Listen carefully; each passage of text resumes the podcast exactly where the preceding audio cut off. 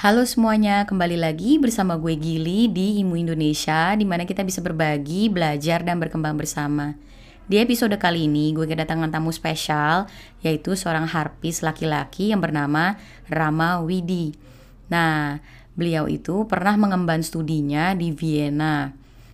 Nah, di sini beliau membagikan pengalaman studi musiknya selama di Vienna yang penuh dengan perjuangan.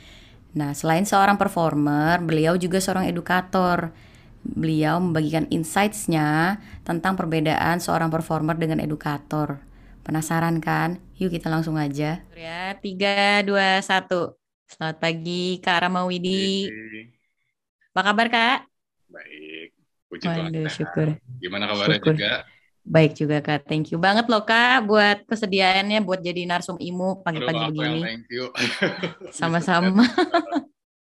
Ini pengen ngobrol-ngobrol nih, soalnya bener-bener amazed pas ngeliat profilnya Karama nih. Apa lelaki pertama yang menjadi harpis. Masih jarang banget kan, soalnya di Indonesia kan. Hmm, Karena sih, memang paradigmanya kan eh, harpa itu untuk perempuan di Indonesia ya, tapi Hmm. Hal itu terjadi karena yang membawa harpa ke Indonesia pertama kali ada perempuan. Beda kalau misalnya kita ngeliat ke Meksiko. Meksiko mostly pemain harpa tuh laki-laki dan sama Hmm. juga kalau misalnya di sini kan orang ngeliat "Eh, kok laki-laki main harpa. Kalau di Meksiko eh kok perempuan main harpa kayak gitu gitu loh karena memang gembong pemain harpa untuk laki-laki ya itu di Meksiko mungkin eh, pernah ngeliat video eh, pengamen yang main harpa nggak sih belakangan ini? Hmm, enggak, belum sih. jadi adalah satu video gitu eh, pengamen tapi pakai harpa ngamennya. Dan Wow. semua pada laporan kan langsung ngirimin video lah segala macam. Terus seperti biasa kan netizen Indonesia kan nggak merecek dulu itu ada di mana gitu. Dan aku juga ke bawah juga ke bawah harus jadi kayak pas dapetin ini di mana nih? Kalau memang di Indonesia kasih tahu gue mau ngasih master class nih ke dia nih. Pokoknya gue mau ngajarin pokoknya mau ngasih eh, eh, ilmu sama dia gitu loh. Ternyata pada bilang nggak tahu ini dapat pewartaan segala macam. Akhirnya aku liatin tuh kan pelan-pelan pelan-pelan. Ya ini mah bukan di Indonesia ini Meksiko. Pantas aja laki-laki yang main Di sana pengamennya elit ya, harpa gitu ya, udah bukan pakai ukulele. Mm, ternyata ya karena ya karena itulah aku kan orang-orang juga heran satu pengamen terus kedua bawa harpa dan ketiga laki-laki yang main dan setelah aku selidiki ya ini di Meksiko Oh. jadi wajar Hmm. Sih, sih. Ini aku pengen tarik balik sedikit nih ke childhoodnya kakak nih. Hmm. Ini yang bikin si kakak akhirnya tertarik banget sama musik. Terus kenapa harpa gitu loh? Kan maksudnya masih banyak instrumen yang lain. Rata-rata orang di sini kan ngambilnya eh, kontrabas atau piano atau yang lainnya gitu loh. Hmm. Kenapa tuh kak? Eh, sebenarnya sih kalau kalau suka memang memang dari aku harus berterima kasih sama sama ibu aku ya yang memang sangat mensupport dan memang benar-benar mengarahkan aku ke musik dari kecil. Eh, cuma kenapa harpa? Jadi aku saat masih eh, SMP itu memang aku suka banget nyoba sana, nyoba sini, eh, dari organ, terus udah merasa jago piano, udah merasa jago biola, udah merasa jago klarinet, udah merasa jago, dan sampai akhirnya ibu aku sendiri bilang kayak, kamu ini kayak kayak ikut lompat, yang di mana nggak ada yang kamu bisa bener-bener fokusin gitu loh. Akhirnya ibu aku bilang, ya udah kamu kalau misalnya memang suka dan pengen belajar banyak instrumen, kamu jadi konduktor aja. Ya udah, akhirnya untuk eh, dan kebetulan aku ngefans banget sama masa DMS eh, dan akhirnya aku daftar eh, kuliah saat itu untuk menjadi konduktor orkestra. Dan saat ke sana, unfortunately, ujiannya ada tiga hari dan sistem gugur. Ini aku eh, lumayan lama nih bakal cerita tentang ujian di Vienna nih. Biar ke depan mungkin ada kalau misalnya ada yang mau nyoba bisa siap-siap lah kurang lebih begini ujiannya. Jadi hari pertama itu kita ujian teori, pendengaran, sejarah, akustik, believe it or not, akustik, dan terus uh, yang paling susah, beberapa orang bilang yang susah itu adalah saat profesornya main, kita harus langsung nulis. Tapi kalau menurut aku yang paling susah adalah ngebenerin partitur. Okay. Jadi di hari pertama itu kita harus ngebenerin partitur. Jadi kita dikasih partitur, sering kuartet, dan terus aku aku pikir kan kayak ah ini apa pasti disuruh analisa, gampang kalau analisa gitu loh, udah udah cincai lah. Tiba-tiba uh, pengujinya bilang partitur di depan kalian itu salah dan kalian harus ngebenerin sesuai dengan yang saya setel CD-nya sekarang. Dan itu cuma diputar dua kali. Oh. Jadi kebayang begitu CD dimulai, itu kita harus langsung ngebenerin semuanya. Dan wow. menurut aku itu yang paling sulit. Dan setelah hari pertama, itu lanjut ke hari kedua. Uh, biasanya hari kedua itu cuma interview bahasa Jerman biasanya. Tapi saat tahun aku itu ada um, ya blood singen tuh kayak uh, set reading itu itu mah udah pasti. Tapi ada harus nyiapin lagu klasik. Oke. Okay. Dan berhubung aku orang Indonesia, uh, sisi Indonesia aku adalah menggampangkan. Jadi saat aku bilang, aku tahu artinya itu harus menyiapkan nyanyi gitu lagu klasik. Cuma kayak ah ngapain sih konduktor disuruh nyanyi? Terus harus bawa partiturnya kayaknya enggak deh kayaknya salah deh. Terus akhirnya aku kenalan sama orang yang keterima tahun sebelum aku. Terus aku bilang juga ini apaan sih artinya? Terus dia bilang ya artinya ini lo harus nyanyi harus siapin lagu. Lo nyanyi nggak tahun lalu? Enggak cuma ini doang kok cuma blood singen doang saya reading segala macam sama interview. Oh salah print kali ya. Kalau kayak gitu. Ya udah kok dengan berbekal salah print aku nggak persiapin apa-apa di hari kedua. Dan hari ketiga itu baru uh, kita ujian titik tumpu apa yang kita mau kuliah which is uh, conducting dua piano terus main piano itu harus main sonatanya Beethoven like beneran harus Beethoven. Dan yang ketiga adalah second instrument. Saat itu aku uh, ngambil biola. Bahwa uh. biola udah persiapin biola. Dan terus uh, ya udah hari pertama uh, selesai. Terus aku pikirkan ah, apa mungkin ya aku bisa lolos gitu ke hari kedua karena apa namanya ah sulit banget gitu aku nggak pernah nggak pernah ngalamin ujian musik sesulit ini gitu beneran satu hari. Cuma aku udah bisa jikin kaki, pasti Tuhan ada rencana. Aku bilang, pasti lolos lah orang aku bisa lolos visa. Aku bilang kayak gitu. Akhirnya aku pergi ke apa namanya ke universitas dan di situ aku ngelihat nama aku masih ada masih ada di list orang-orang yang akan lanjut ke hari kedua. Cuma ya udah akhirnya udah kayak tenang ah saya trading gampang bilang kayak gitu menggampangkan Indonesia banget pokoknya terus udah gitu lagi nunggu nih lagi nunggu terus uh, tiba-tiba ada uh, peserta lain duduk kan sebelah aku. Nah terus dia humming humming nyanyi gitu. Aku kan bingung ngapain nih orang humming gitu? Orang kita bakal interview aja. Terus kan aku nanya lo kamu ngapain nyanyiin lagu lagu itu? Gitu loh. Terus dia bilang loh kan ini bahan ujian ya? Hah, bahan ujian? Terus dia tunjukin, lah ini kan tertulis, kita harus siapin lagu klasik.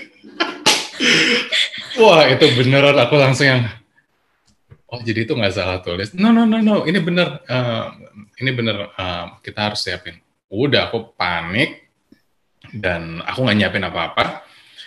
Untungnya, nggak untungnya juga sih, uh, pokoknya di tas aku ada lagu paduan suara karena aku aktif di gereja ada lagu Prayer of Saint Francis terus daripada aku tangan kosong akhirnya aku pelajarin lah itu lagu terus ya udah di kamar mandi kan gaung tuh udah kayak nyanyi nyanyi sendiri lah. Terus uh, pas berapa sebelum giliran aku yang benar ternyata nyanyinya tuh bukan yang kayak yang nyanyi pop nah, nah yang kayak gitu. Bener-bener suaranya wow ya, ya, suaranya bagus semua dan beneran full accompaniment aku tuh kayak ah shit aku eh, sorry. Aku bilang kayak aduh Tuhan. Aduh. Ah udahlah. Pokoknya dalam nama Yesus aja deh. Akhirnya aku masuk. Di dalam itu tuh ada lima pemuji berjajar udah kayak uh, X Factor ya atau AGT nah, terus udah tuh uh, akhirnya di depan mereka ada satu stand partitur dan satu lembar. Di situ akhirnya uh, ngobrol uh, tanya nama kamu siapa terus uh, bla bla pokoknya interview bahasa Jerman. Dan terus sambil ngobrol kan aku ngeliat ngelirik kan ke satu kertas itu kan. Ada A B C D. Itu kita harus uh, sight reading. A gampang banget. B masih ada melodinya. C oke okay, ada mulai uh, jumping jumping intonasinya. D itu udah kayak modern udah bener-bener uh, uh, uh, uh, yang loncatnya tuh yang dan ada ada mall, ada crash, ada pugat, semuanya ada di situ. Dan akhirnya aku pas lagi ngeliat kayak, ya Tuhan jangan deh, please Tuhan jangan deh, please jangan tiba-tiba Fauji yang di depan aku persis, ya silakan nyanyiin yang D. aku langsung kayak, aduh, ya udah. Terus ada pianis ngasih not pertama, Terus satu bar masih lantang dan tersenyum. Bar kedua udah mulai uh, makin ketiga muka udah makin kayak aku nggak yakin gitu nyanyinya ini bener apa enggak. Makin lama suara makin hilang kan. Uh, terus aku ngeliat yang paling kanan tuh udah yang gini nih escape nih, escape nih. Jadi dia bilang, nggak bisa, nggak bisa, ini nggak bisa nih. Escape nih, escape nih. Pokoknya uh, profesor yang kakek-kakek ini bilang nggak bisa nih nggak bisa. Terus akhirnya yang tengah bilang e, boleh nggak kamu nyanyiin sekali lagi? Karena uh, apa namanya makin lama suara kamu makin hilang kita nggak bisa dengar waduh aku bilang itu beneran jatuh ke jempol tuh uh, jantung aku. Aku sendiri gak yakin aku bisa menyanyikan hal yang sama.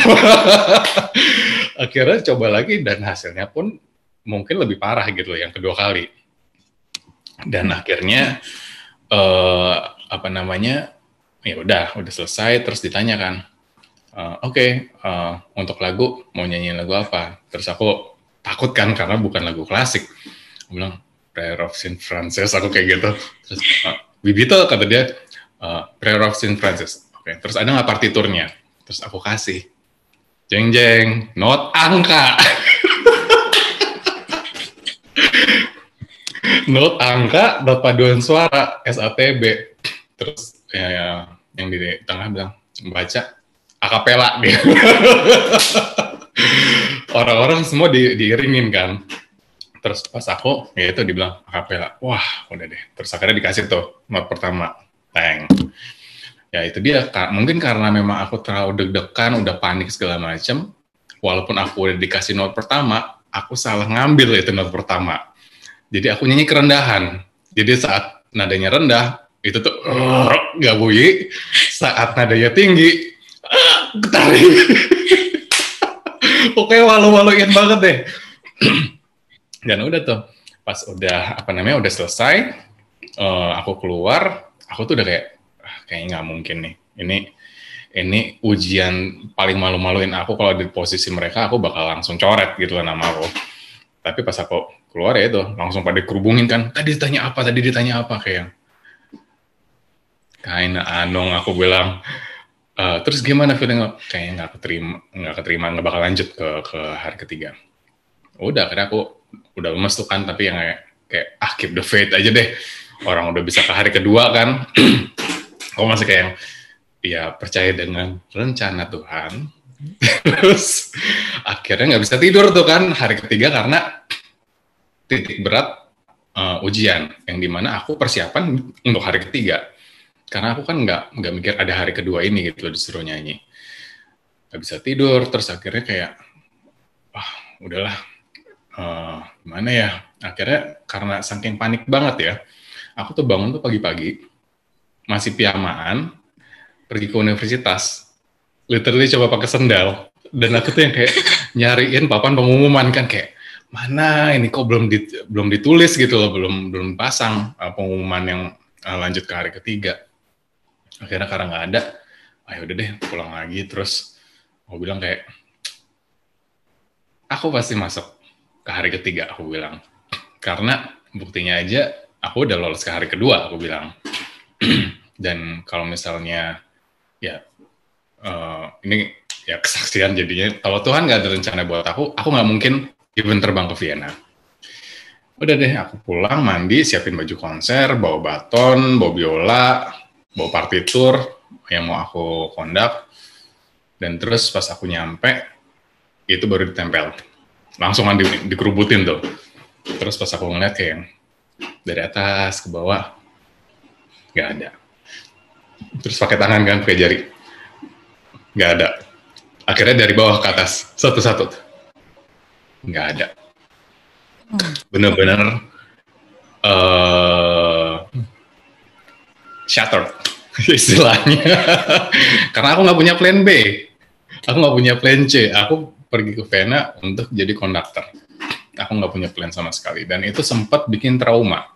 Jadi aku tuh nggak mau main piano selama uh, dua bulanan dan aku nggak mau denger musik klasik. Karena aku ngerasa semua effort dan dedikasi aku kok nggak ada hasilnya sama sekali. Dan memang ternyata benar. Uh, Vienna standarnya sangat super tinggi sekali gitu. Dan akhirnya melihat hal tersebut uh, mama aku akhirnya datang terus berusaha untuk uh, menghibur aku. Dia bilang udah nggak apa-apa. Uh, masih ada tahun depan cuma permasalahannya adalah uh, konon uh-huh. di Austria itu limit kita adalah tiga kali untuk gagal. Jadi kalau udah tiga kali gagal, kita bakal di blacklist dari semuanya. Nggak bisa. Oh. Jadi kita harus menggunakan dengan bijaksana kesempatan tiga kali ini. Okay. Dan terus aku bilang, uh, aduh aku kayaknya nggak mau lagi deh musik. Aku bilang kayak gitu. Dan terus akhirnya mama aku bilang, oh, ya udah kalau memang kamu memang udah memutuskan nggak mau musik, ya kamu kamu ya banting setir lah ke yang lain. Kamu ambil aja psikologi. Kamu kan suka psikologi dari zaman SMA. Aku, dan mama aku bilang. Atau ambil hukum. Pasti kepake banget kata mama aku kalau hukum. Terus aku coba beli bukunya dalam bahasa Jerman.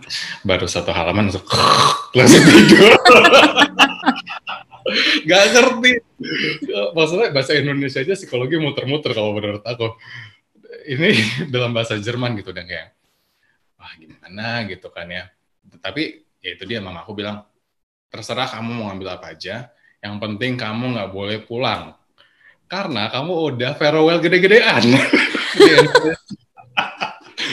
orang-orang udah tahu kamu ke Vienna. Kamu kalau pulang muka kamu mau taruh di mana? Akhirnya ya. Udah deh mah ya udah uh, me, apa namanya ngebangun lagi. Dan terus aku pikir-pikir kan, ah daripada nunggu tahun depan, terus aku kosong kan, akhirnya Itu aku... coping sama trauma berapa lama kak? Sekitar tiga bulanan lah, karena ah. Ya mungkin karena gini juga ya, uh, aku aware banget bahwa aku di negara orang dan waktu aku terbatas, karena kan aku harus kejar visa, harus perpanjang visa.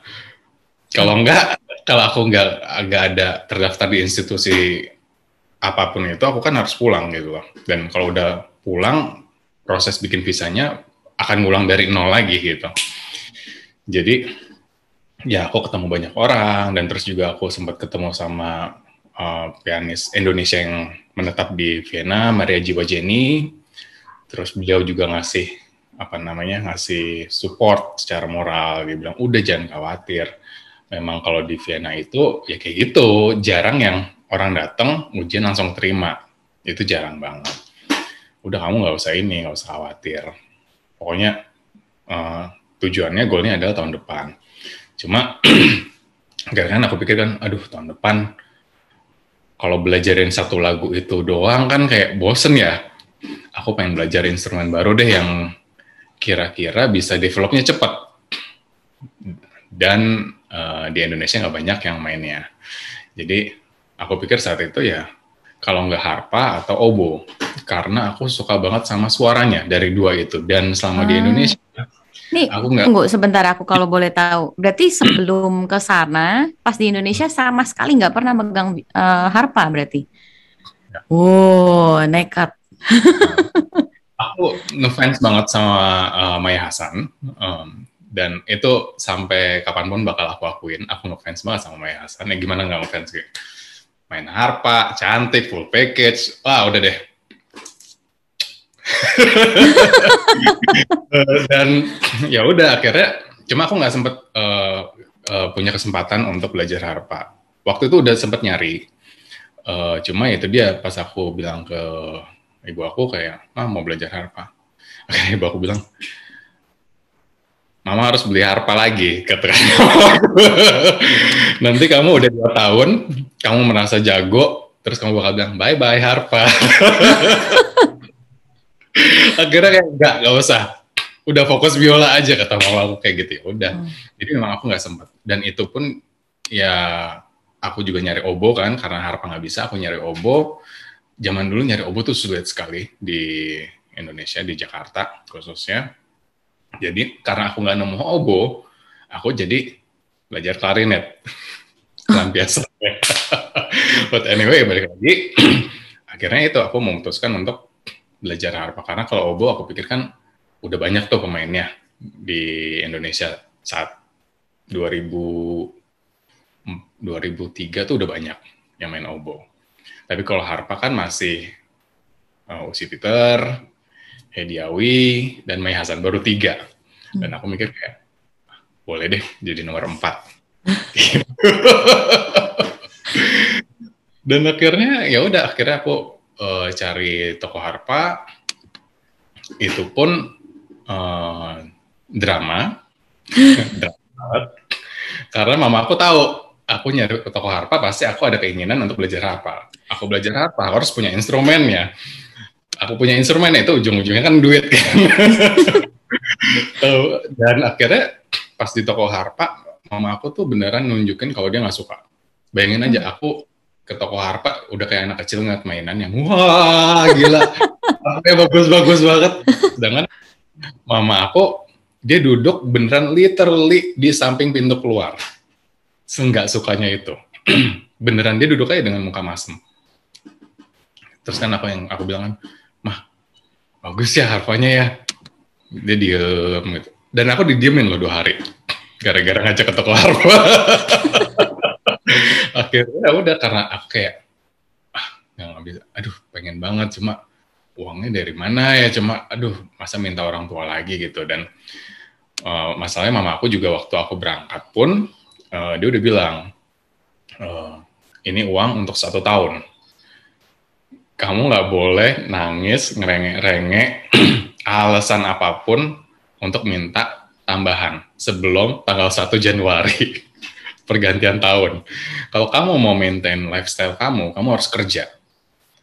Kamu gosok WC, kamu bagiin koran, kamu kerja di restoran, bersihin piring, pokoknya kamu harus kerja. Mama nggak mau tahu, kamu harus kerja, cari duit sendiri. Akhirnya aku kayak, ya udah. Dan saat di toko harpa kan kayak, aduh, duit dari mana ya, gitu kan. Ah, udahlah, yang penting udah udah bisa ngeliat harpa secara dekat. Akhirnya uh, pas mama aku pulang, aku anterin ke bandara, dan pas pulang dari bandara, aku langsung ke toko harpa. Aku ke toko harpa, aku langsung DP dengan uang tahun aku. aku langsung DP dengan uang beneran literally uang setahun. Dan terus aku tulis SMS kan. Dulu kan nggak ada nggak ada WhatsApp atau BlackBerry ya. Jadi aku SMS aku bilang mah maaf banget aku menggunakan uang secara nggak tanggung jawab.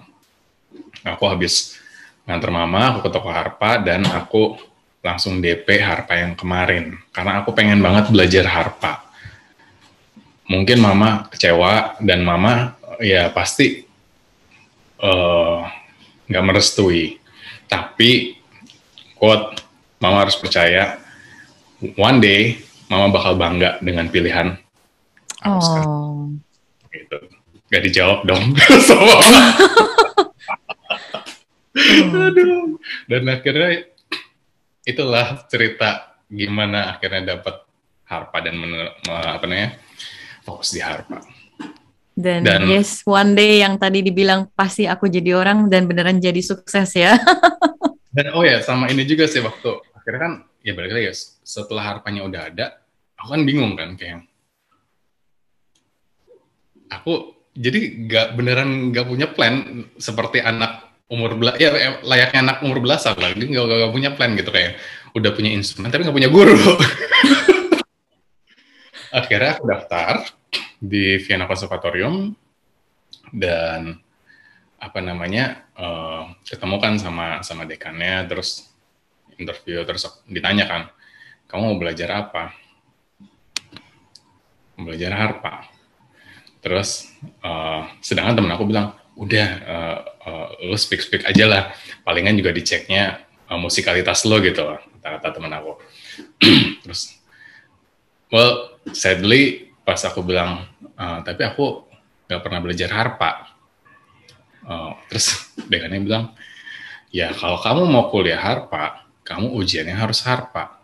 Kalau kamu mau diujinya piano kamu harus ngambil piano. Kamu mau diujinya biola kamu harus ujiannya biola Nah, tapi saya belum pernah belajar apa sama sekali. Bukan urusan saya. Oh. Terus ya, aku langsung kayak, nah, nader bakal di reject nih kan. Akhirnya dibuatin appointment sama calon dosen aku, tapi di note. Kalau memang aku tuh nggak pernah belajar harpa. Dan ya kembali lagi, kembali lagi ya karena ini Vienna Conservatorium, aku kira sekedar les-lesan tapi ternyata kuliah gitu loh. Jadi ya udah keep the faith aja. Terus uh, ketemu calon dosen aku kita ngobrol ditanya kan kamu kenapa sih mau belajar harpa? Karena saya gagal jadi konduktor aku bilang. Dan saya nggak tahu harus apa namanya saya harus uh, ngisi waktu setahun kayak gimana dan saya butuh visa aku belak belakan gitu dan terus dia nanya kan tapi sebelumnya kamu udah pernah belajar apa? Belum, belum pernah kali, belum sama sekali. Dan uh, megang ini baru baru sekarang aku bilang. Aku beneran boleh megang karena kan di toko harpa kan nggak boleh. Dan terus akhirnya uh, calon dosen aku itu bilang berhubung kamu belum pernah belajar harpa, saya bikin pengecualian. Hmm. Biasanya orang di Vienna kalau ujian masuk itu harus main handle concerto, boxa itu the terus uh, Nederman sonata disebutin lah semuanya. Tapi berhubung kamu beneran gak pernah belajar harpa, saya kasih kamu lagu anak-anak dia bilang. Oh, oke oke oke aku bilang. Uh, akhirnya uh, calon dosen aku tuh bilang, tapi sebelumnya kamu tahu nggak uh, mekanismenya harpa tuh gimana? Tahu yang warna merah itu C, yang hitam itu F. Terus dia bilang, kok kamu tahu? Iya, soalnya saya ngefans banget sama pemain harpa Indonesia.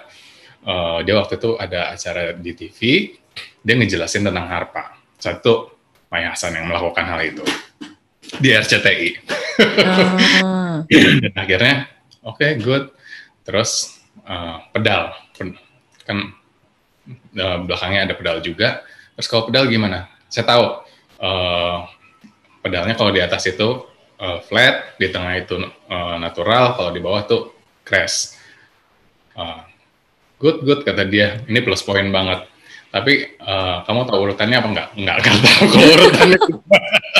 Coba tahu itu juga karena ya uh, Maya Hasan saat itu ngejelasinnya kayak gitu. Uh.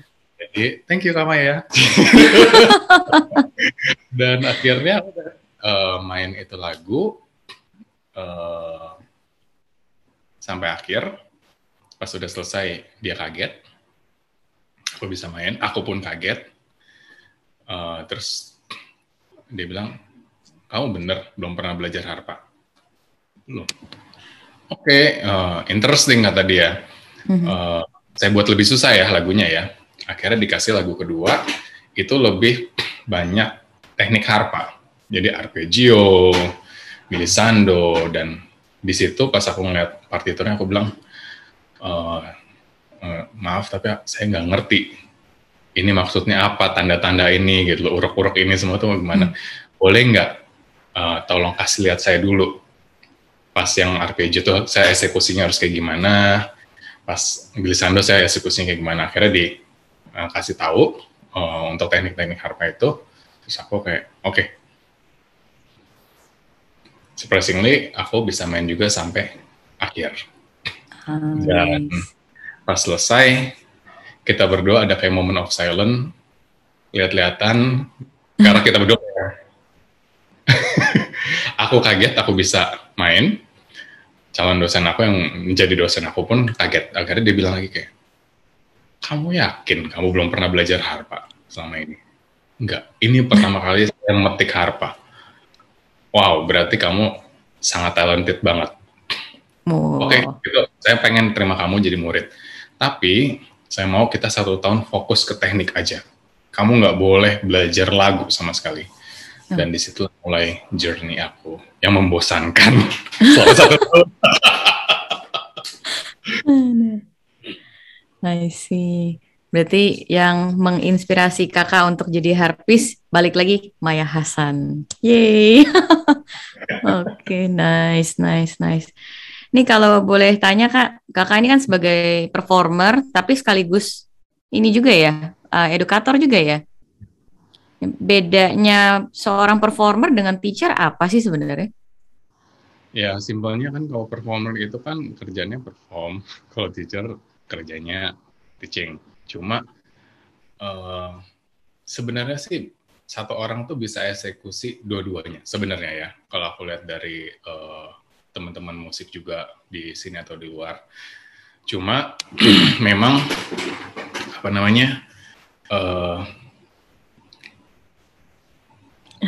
aku lagi seorang perform nih nih pertanyaan gini jadinya seorang yeah, performer aku... bisa nggak jago ngajar gitu? Ataupun sebaliknya, seorang teacher bisa nggak ngajar? Nyari bahasa yang diplomatis soalnya. Oke, jadi teori yang uh, teori yang which is ini let's say teori konspirasi lah yang menjabat di antara musisi di di luar sana adalah orang jago perform itu nggak jago ngajar. Orang jago ngajar itu nggak jago perform. Sesimpel itu. Dan itu pun dikeluarkan oleh guru aku juga saat aku lulus performer.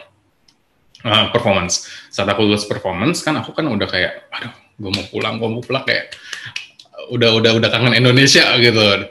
Cuma uh, akhirnya guru aku, dosen aku tuh bilang, uh, jangan, kamu jangan pulang dulu. Dan ibu aku pun juga bilang kayak gitu. Kamu nggak boleh pulang dulu. Kamu harus kuliah lagi, ambil pedagogik. Aku langsung, pedagogik. Shoot, aku bilang itu kan ilmu keguruan. Aku bilang, terus aku lihat mata kuliahnya kan, astaga, ada psikologi, ada inilah. Bener-bener. Dua dunia yang berbeda ya? Dunia yang beda. Saat performance, aku kerjaannya latihan, 7 jam sehari saat aku pedagogik, kerjaan aku adalah menganalisa orang. Yes. Setiap hari. Yes. Kita bikin report, terus datang ke kelas orang, terus mencoba untuk cari celah dalam mengajarnya itu apa, dan ah pusing deh pokoknya. tapi ya itu dia. Tapi kembali lagi, nggak membuat uh, seorang performer nggak bisa mengajar karena uh, gimana pun juga seorang performer itu punya uh, pastinya punya pengalaman perform yang banyak yang bisa di-sharing sama murid-muridnya. Jadi sebenarnya sih bisa-bisa aja. Tapi di satu sisi seorang performer nggak akan tahu trik-triknya pedagog untuk mengajar. jadi ya itu dia sih ya yang ibu aku bilang juga uh, jangan kamu pulang kamu cuma jago main doang tapi kamu nggak bisa deliver ilmu kamu nice oke yang ya udah deh mah kuliah Aduh. Nice, nice, nice. Wow. Ini jadi Karama nih kan di kalau dilihat-lihat kan belajar harpanya tadi aja langsung di Vienna berbasis nol dari Indonesia kan. Itu di usia 19 tahun bener ya? Itu kan maksudnya udah bisa dibilang telat gitu kan. Ini menurut Karama sendiri nih. Uh, kalau seorang anak memulai sebuah pembelajaran musik lebih telat dibanding anak lainnya, apakah kemampuan mereka tuh nggak akan sebanding sama anak lainnya yang udah mulai lebih pagian gitu. Dan apakah memiliki bakat itu lebih penting dibanding dengan hard work dan konsistensi? Karena kan masih banyak banget pemikiran orang tua. Ini sih yang ya. yang terjadi di circle aku ya. Maksudnya suka ngomong begini, uh, Miss, kayaknya anak itu emang bakat ya, gak kayak anak saya ya gitu. Mainnya jago soalnya gitu. Gimana tuh kak? Oke, okay. well uh, umur 19 itu sih bukan telat lagi, udah sangat telat ya, karena aku mau menjadikan um, harpa sebagai profesi. Dan saat aku diterima sama dosen aku ini, uh, dia bilang, uh, kamu sadar kan, kamu tuh udah sangat telat untuk belajar harpa atau musik klasik yang di mana kamu mau jadiin profesi Ya, saya sadar. Kamu harus tiga kali lipat, sepuluh kali lipat harus lebih giat daripada orang-orang yang udah belajar. Guru aku langsung bilang gitu. Oh, aku langsung, memang kenapa? Ya kamu bayangin, di Eropa itu orang tuh belajar tuh dari empat tahun. Dan di umur kamu 19, dia udah main itu udah ini lagu ini koncerto ini udah udah disebutin lah semua lagu kan. Dan kamu nol loh dia bilang. Aku beneran jadi dosen aku langsung kayak ngejabarin gitu. Dia bilang ya kalau kamu mau jadikan profesi kamu harus 10 kali lipat lebih giat daripada anak-anak yang sekarang dan terus ditanya lagi kan kalau udah lulus mau jadi apa jawaban aku jadi solois terus aku langsung bilang forget it Oh. Aku langsung kaget kan, maksudnya seharusnya kan guru, dosen, pembimbing kan harusnya mengencourage dengan mimpi kita. Tapi beliau langsung bilang, lupain. Terus aku bilang, kenapa itu kan mimpi saya? Uh, saya berat dong punya mimpi. Yes. Tapi kamu bisa ngeliat gak faktanya? Enggak, apaan? Saya aja belum pernah jadi solois. Langsung di, langsung di skakmat gitu. Oh. Sama sama beliau dan akhirnya berhubung aku orang yang suka uh, tantangan jadi semakin ditantang semakin nggak bisa semakin dibilang nggak bisa aku bakal nunjukin aku bisa dan terus ya balik lagi karena aku udah memutuskan untuk jadi solois itu ya pastinya atau misalnya ada orang uh, musisi lain yang mau sangat apa namanya menjadikan profesi yang sangat serius ya pastinya harus punya degree, make sure lulus, karena bisa masuk belum tentu bisa keluar, um, gitu. dan pengetahuan secara general. Nah ini yang menurut aku musisi-musisi muda Indonesia lack, which is harus datang ke konser. Harus mendengar opini dari musisi lain. Karena kita bisa uh, belajar dari instrumen lain sebenarnya yang di mana itu aku di, dikasih tahu juga sama dosen aku adalah saat aku belajar uh, lagu-lagu Itali, aku disuruh dengerin opera Itali. Gimana cara penyanyi opera ngebentuk frase dan segala macam. Dan terus juga hal yang semuanya pada miss adalah di, khususnya di Indonesia ya adalah networking. Hmm. Kan kembali lagi di Indonesia kan bukan budaya minum dan party saat weekend gitu loh. Kalau misalnya di luar kan ya orang-orang uh, building networkingnya dari situ. Dan aku pun kayak sekarang punya beberapa uh, teman kuliah yang udah nama besar gitu, udah beneran udah, udah sejak kalau piano tuh Yuji Wang ya, yang seksi banget hmm. tuh. Hmm. Hmm. Beneran equal sama itu. Padahal dulunya temen minum. gitu, tapi ya itu dia kembali lagi. Dia bisa building networkingnya dengan baik. Dan terus telat apa enggak? Sebenarnya aku mau nunjukin juga nggak ada kata telat untuk belajar karena aku bukti aku bisa achieve semua yang aku mau semua yang orang-orang mau uh, walaupun aku baru mulai 19 tahun. Tapi memang harus di speed up semuanya. Karena ya itu dia uh, 19 tahun. Orang-orang sebelumnya udah curi start dulu. Gimana cara speed upnya? Uh, kita harus punya ambisi dan keinginan yang lebih dari anak-anak lain. Dan bimbingan dari guru yang kompeten. Which is ya di satu sisi sometimes uh, baik sebenarnya sih baik. Kita selalu bilang oh ya bisa ayo kita ini lagi. Tapi sometimes um, menurut aku murid itu juga perlu dibukain wawasannya di dunia nyata tuh kayak gimana sekarang. Karena apalagi kan makin ber kembang ya dunia musik. Dan ambisinya juga gimana nah ini juga nih uh, kita harus ngefans banget sama instrumennya. Hmm. gimana caranya? Kita harus tahu at least siapa aja sih pemain yang terkenal? Atau lagu-lagu yang terkenal dari instrumen itu. Terus nonton konsernya secara live. Bukan uh, dari YouTube. Ya di satu sisi kita support lah uh, teman kita yang bermain tapi di satu sisi karena uh, ambience atmosfernya itu beda banget kalau nonton live. Dan terus ketiga tidak ada alasan nggak bisa mendapatkan informasi uh, untuk zaman sekarang. Beda kayak zaman aku dulu mau internet harus ke warnet. Mau cari uh, apa namanya uh, informasi tentang kuliah harus beneran datang ke kedutaannya langsung. Hmm. bukan yang datang. Ibu aku yang datang. aku sekolah kan sekolah. Jadi benar-benar harus datang ke kedutaan, harus uh, harus yang ngobrol sama orang kedutaan dan segala macam. Dan kalau kita ngomongin bakat, hmm, menurut aku tuh bakat tuh kayak pisau bermata dua. Semakin oh. biasa, akan semakin tajam. Tidak dipakai, dia akan tumpul.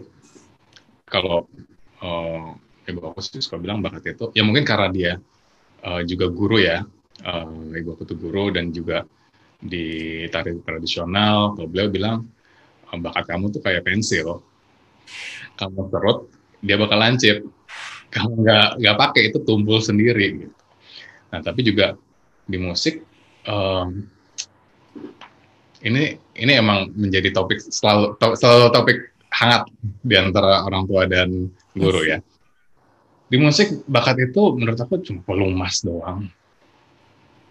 Anak berbakat memang akan lebih mudah dan cepat mencerna, mengeksekusi. Sedangkan anak yang tidak berbakat membutuhkan effort berkali lipat untuk menghasilkan hal yang sama. Dan musik itu menurut aku juga um, satu-satunya jurusan yang nggak bisa instan. Yes. Harus lewatin proses latihan. Walaupun anak itu punya photographic memory, um, tetap harus ngelewatin um, proses latihan. Harus building muscle-nya di manalah yang harus di, di building. Setiap instrumen beda. Cuma memang ya oke okay lah, bakat bisa cepat. Anak yang kurang berbakat harus effort. Tapi uh, biasanya anak yang berbakat itu malas. Uh, yes. bos. Karena aku kayak gitu, aku malas. Pengalaman pribadi ya. Pengalaman pribadi. Sedangkan anak yang tidak berbakat sadar kalau harus latihan.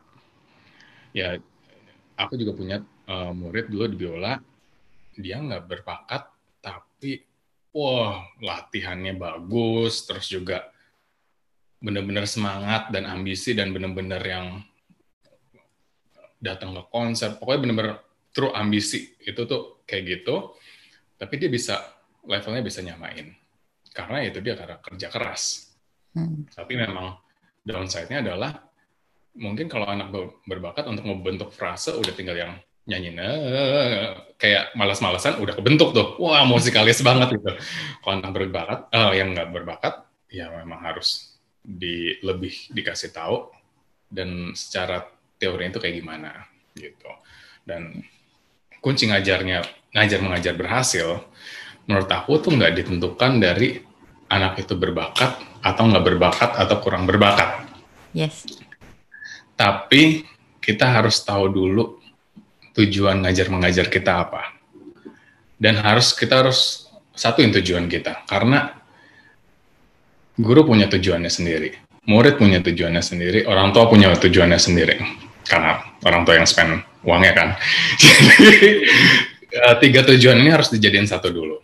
Begitu udah uh, nyatu, kita bisa combine semuanya dan bisa guru bisa memformulasiin gimana bisa mencapai tujuan semua orang. Menurut aku sih kayak gitu. Nice.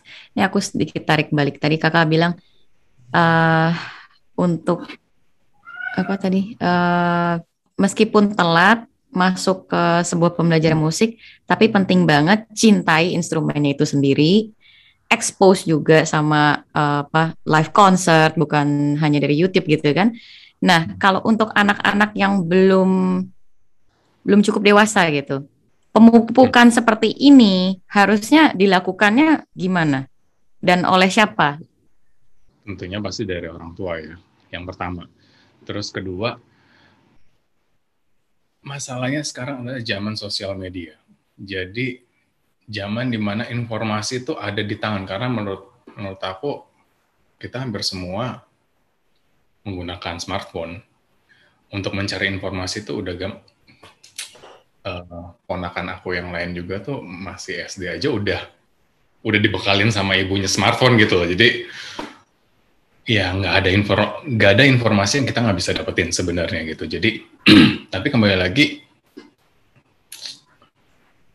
bimbingan dari orang tua itu paling penting karena uh, orang gimana pun juga orang tua yang tahu uh, apa yang terbaik buat kita dan apalagi kan kalau anak-anak kan masih tinggal dengan orang tua, masih disupport dengan orang tua. Dan ya mudah-mudahan anak yang tersebut juga bisa melihat kalau memang ya lagi memang harus dibu, uh, dibimbing dengan orang tua. Kecuali kalau memang anak itu kayak aku nyeleneh gitu kan.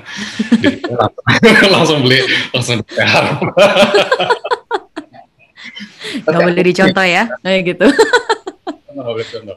Uh, aku jujur ya. Uh, Oke, okay, ini aku ada cerita tapi uh, aku yakin ibu aku sih, uh, aku ibu aku nggak nggak nggak nggak masalah kalau aku ceritain ini. Aku sangat disupport dulu uh, organ, bener-bener yang harus les harus segala macam. Organnya juga dibeliin yang bagus segala macam. Cuma kan aku males. Karena aku anak kecil balik lagi saat itu masih umur uh, masih kelas 5 SD aku cuma mau main bola sama teman-teman kalau sore atau nonton film kartun. Karena zaman dulu kan film kartun tuh sore-sore terus kalau misalnya kayak walaupun aku di satu sisi juga aku seneng gitu uh, bermain musik tapi kayak kehidupan sosial di luar aku tuh seneng banget kayak kayak lebih seneng main bola petak umpat petak jongkok. Temptationnya lebih besar ya? Besar gitu. jadi ada momen di mana aku lagi nggak mau gitu loh lagi nggak mau les. Dan ya mungkin saat itu mama aku lagi lagi dapat kali ya pokoknya eh, singkat cerita ngamuk lah uh, beneran ngamuk sengamuk ngamuknya dan terus aku pun saat itu uh, ngelawan uh, mama aku jadi um, karena mamaku apa namanya nggak terima, aku benar-benar kurang ajar banget saat itu. Akhirnya mamaku ngambil uh, sabuk. Uh. Yes. ngambil sabuk dan uh, ya kayak biasa lah orang tua kan suka apalagi orang tua zaman dulu ya, kayaknya Hmm, lebih hmm. tiger mom banget lah. Uh, ngancem dengan sabuk itu kan. Kalau misalnya kamu nggak les, kamu bakal mama sabet. Gitu. Terus aku yang nggak nggak mau karena aku tahu mungkin karena udah keseringan dia eh, apa nih keseringan ngeliat jadi kayak ah palingan nggak bakal dieksekusi gitu loh dan ternyata dieksekusi pada hari itu Oh. di soal itu gitu. Dan eh, apa namanya pertama disabetnya pakai kulit. Oke. kan itu kan ada buckle sama ada kulitnya kan? Hmm. kulitnya. Karena makin aku disabet makin aku ngejerit. Aku nggak mau. Dan akhirnya semakin aku ngejerit mama aku semakin marah saat itu. Akhirnya dia bilang kamu nggak beranjak mama sabetnya pakai ini pakai buckle-nya Oh. dan akhirnya aku bilang aku dengan teriak aku bilang aku nggak mau dan ternyata mama mamaku nggak nggak bercanda Dan aku benar dapat pakai bakal Oh. dan itu kena apa namanya kena tulang ring langsung bengkak Oh. dan aku kok karena merasa disakiti aku langsung gigit mama aku sampai biru Oh, Saat itu. tapi punishment kayak begitu jadi trauma nggak kakaknya sendiri? Eh, kalau aku sendiri sih, kalau aku enggak, malah di situ aku eh, melihat, oh ternyata memang mama aku tuh udah baik banget mau nyekolahin aku dan karena mamaku eh, bilang gitu, kamu nggak tahu ya eh, lesin kamu tuh mahal, gini gini gini gini gini. Sekarang kamu nggak menghargain, nggak menghargai mama. Kamu jangan kayak gitu. Kalau memang nggak suka, kamu ngomong. Jadi memang, eh, jadi ya eh, ibu aku memang ngasih ngasih apa nih ngasih pandangan gitu loh. Dan di situlah jadi bisa dibilang turning point aku oke mulai saat ini aku harus serius di musik. Karena aku nggak mau eh, uang kebuang sia-sia aku nggak ada progres. Tapi ya kembali lagi setiap anak kan beda-beda ya Yes, betul. Jangan dicontohin ya teman-teman.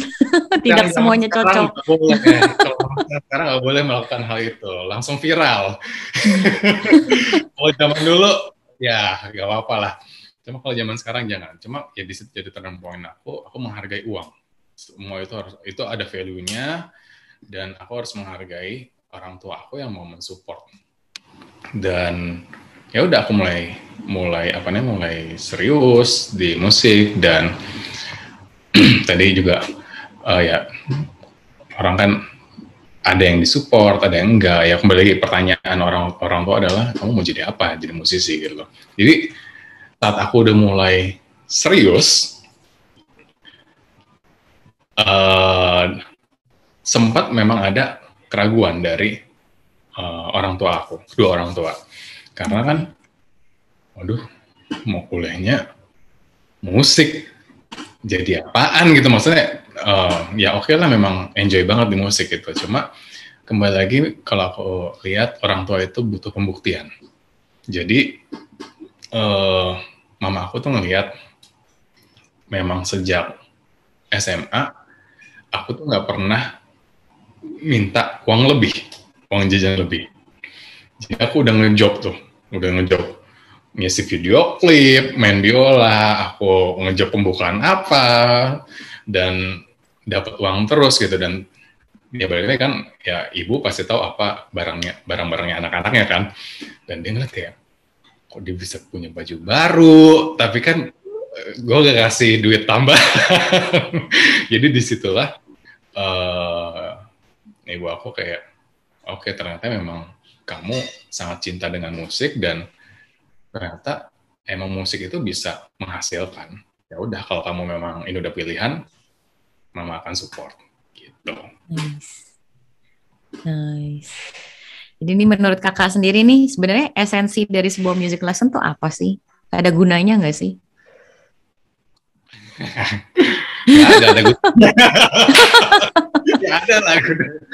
Menurut aku esensinya adalah saling melengkapi antara guru dan murid. Karena uh, hmm, aku tuh sering sering kayak gini nih, maksudnya pengen ngomong yang diplomatis. Karena gitu, uh, maaf tapi menurut aku bullshit kalau uh, guru tuh nggak belajar sesuatu dari muridnya. Yes. Jadi memang kalau menurut aku esensi dari musik lesson adalah tentunya murid belajar dari guru, tapi secara nggak langsung guru itu tuh belajar juga dari murid. Betul. Beneran hubungan kedua, uh, hubungan dua arah.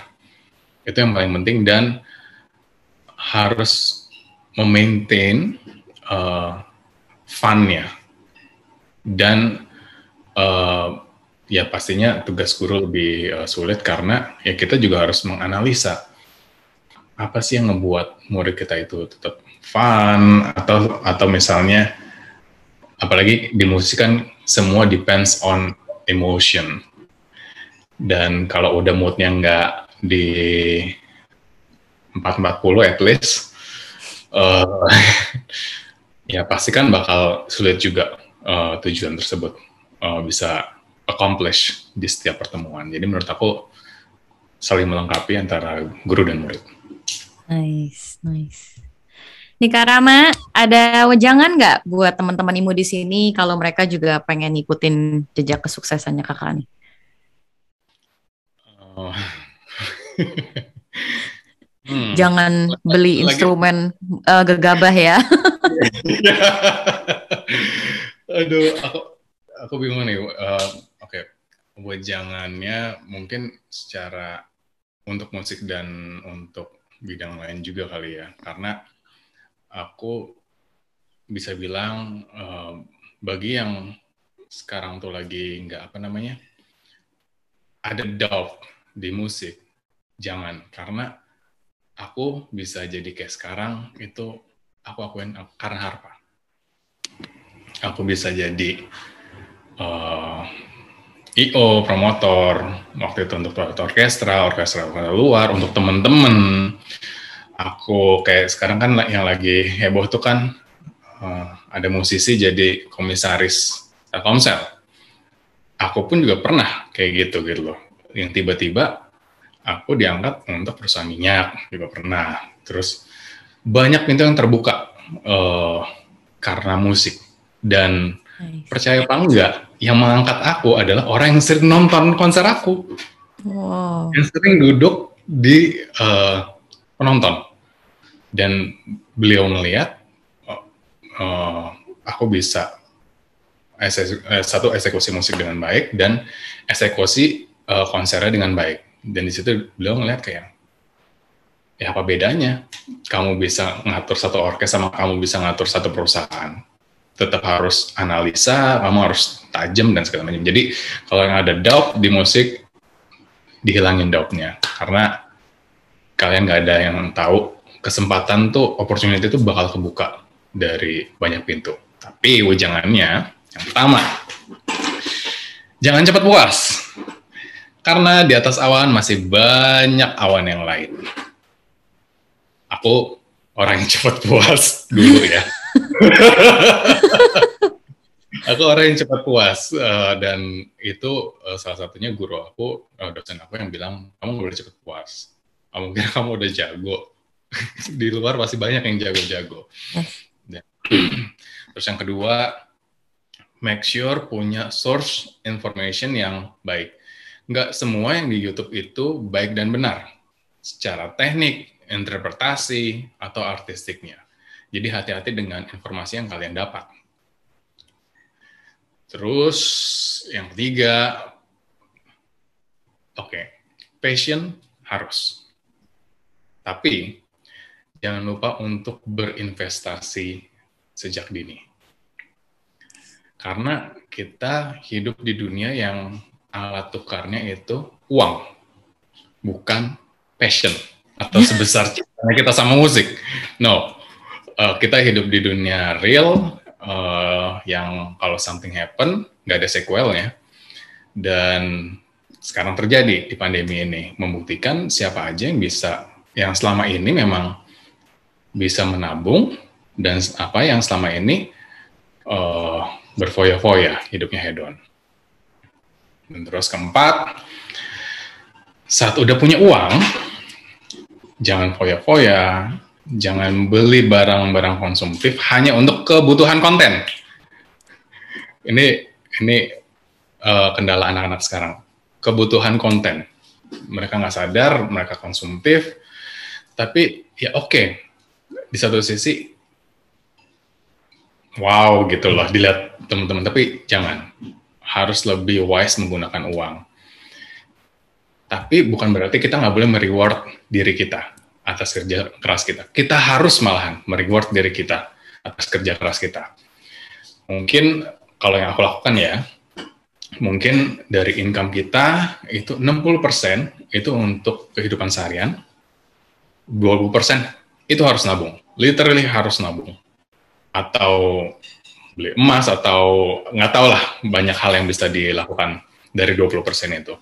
Dan sisa 20 persennya itu kita kasih reward ke diri kita. Kalau di aku adalah liburan jadi setelah capek konser, capek ngajar, ngadepin karakter murid-murid yang banyak banget, I deserve point. ya, Dan yang terakhir, yang paling penting menurut aku adalah saling membantu dan mensupport teman-teman sesama musisi. Ngebantu itu nggak harus dengan uang yes. atau dengan ngebuatin konser. Small things matters. Bisa dibuat atau bisa dilakukan dengan cara like dan komen uh, sosial uh, sosial media sosial media teman-teman kita uh, antar musisi. Jadi biar hal tersebut bisa masuk ke algoritmnya sosial media dan bisa jadi ibaratnya um, balik lagi kita semua butuh prom, uh, media promosi kenapa enggak seluruh musisi di Indonesia saling promote teman-temannya. Itu akan lebih menghemat budget dan pastinya akan membuat musisi klasik uh, instrumentalis di Indonesia lebih uh, meningkat lagi animonya khususnya. Nice. Jangan yang benar-benar wow berat. But very nice. Kak Rama, kita udah di penghujung acara. Ini ada satu pertanyaan terakhir lagi dari Imu. Jadi apa nih impian ke depannya seorang Rama Widi ke depan?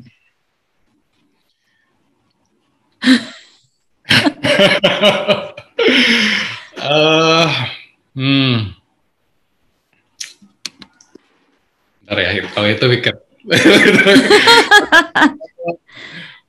aku ya Hmm, hampir semua apa yang aku ucapkan dan aku doakan sekarang udah udah terjadi. Puji Tuhan.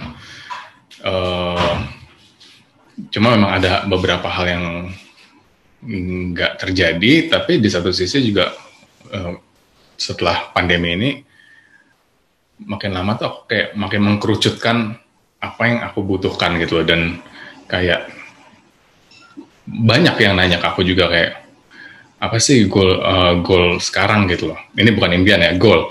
Goal sekarang tuh apa sih? Aduh, aku selalu jawabnya, aku cuma mau hidup tenang aja. Bener-bener udah pokoknya main musik, ngajar, udah uh, itu aja gitu. Itu goal untuk sekarang. Tapi ya kalau ditanya impian itu kan berarti kan besar sekali ya. Uh, ada impian tapi umur aku udah gak cukup masalah ya. Karena aku aku pengen banget tuh dari dulu adalah menang kompetisi uh, tiga kompetisi utama di Harpa ya. Hmm. Cuma maksimal itu 35. Oh, Oke. Okay. Udah nggak bisa. Udah udah recheck dan sekarang kan nggak boleh terbang anyway. Jadi udah coret. Tapi kalau untuk impian, uh, aku pengen Sebenarnya pengen nyoba film. Nice. Aku pengen banget nyoba uh, dunia perfilman. Nice. Uh, Genre apa dulu nih? Action, music? apa ya? Ya apa aja sih? Karena kan belum ada opportunity karena ya menurut aku uh, yang membedakan kita semua di sini bukan seberapa jagonya seseorang, seberapa full resourcesnya seorang, tapi yang bedain kita kan cuma opportunity yang kita dapat gitu. Yes. Karena kan kita semua dikasih Tuhan 24 jam sehari. Gak ada yang dapat 25 jam kan. Dan ya aku belum ada opportunity itu. Gitu. Jadi kalau ditanyain kan, pengen sih ada poster tapi bukan poster konser, poster Hmm. film gitu. Nice. Mudah-mudahan tercapai ya. Karama, thank you banget buat sharingannya, you buat banget. waktunya. Ini kalau misalnya ditanyain nih sama teman-teman Imu nih, Gil, mau dong eh, ngobrol nih sama Karama nih, mungkin seputar tentang dunia harpa atau edukasi maupun konser gitu. Bisa hubungin Karama di mana nih? Eh, di Instagram kan ada CP sih sebenarnya, tapi it, it- nah itu dia yang eh, hal yang aku harapkan ya, bukan impian ya, harap harapan aku adalah nggak usah takut untuk menghubungi aku. Kayak mungkin di satu sisi branding aku berhasil, eh, tapi di satu sisi itu ngebuat orang jadi sungkan untuk menghubungi. Tapi padahal aku tuh nggak se unapproachable itu gitu. aku tahan. Kalau- Kalau diajak kayak ngobrol sharing gitu kayak ayo gitu loh. Aku sekarang aku seneng banget sharing gitu. Jadi eh, DM aja kalau DM udah pasti aku baca gitu. Boleh tolong disebut akunnya? Ya, oh, akunnya oh ya, Ramawidi. At Jadi- Ramawidi ya. Ramawidi kalau ada yang mau nanya-nanya atau mau sharing atau mau ya apa pun itu tinggal DM aja gitu dan Hmm. jangan baperan kalau misalnya nggak dibalas ya karena numpuk banget gitu loh. Jadi aku sendiri juga karena karena aku talented jadi aku malas ya. jadi kayak malas kayak scroll scroll gitu ma- males banget gitu loh. Jadi jangan jangan pada baper terus bilang kayak "Eh, sombong enggak enggak. enggak. Aku aku murahan kok untuk masalah sharing. Aduh, oke deh kalau gitu. Kak Widi, eh Kak Rama, sekali lagi thank you banget. Tetap sukses, tetap sehat. Mudah-mudahan impiannya bakal tercapai soon. Oke. Terima kasih untuk teman-teman Imu Indonesia yang telah menonton podcast kali ini. Jangan lupa klik like dan subscribe. Apabila merasakan manfaatnya, silahkan di-share. Dan apabila teman-teman ingin mengikuti perkembangan Imu Indonesia, follow kita di Instagram @imu underscore Indonesia. Juga bisa di Facebook page kita, Intelligence and Music. Sampai jumpa kembali di episode berikutnya.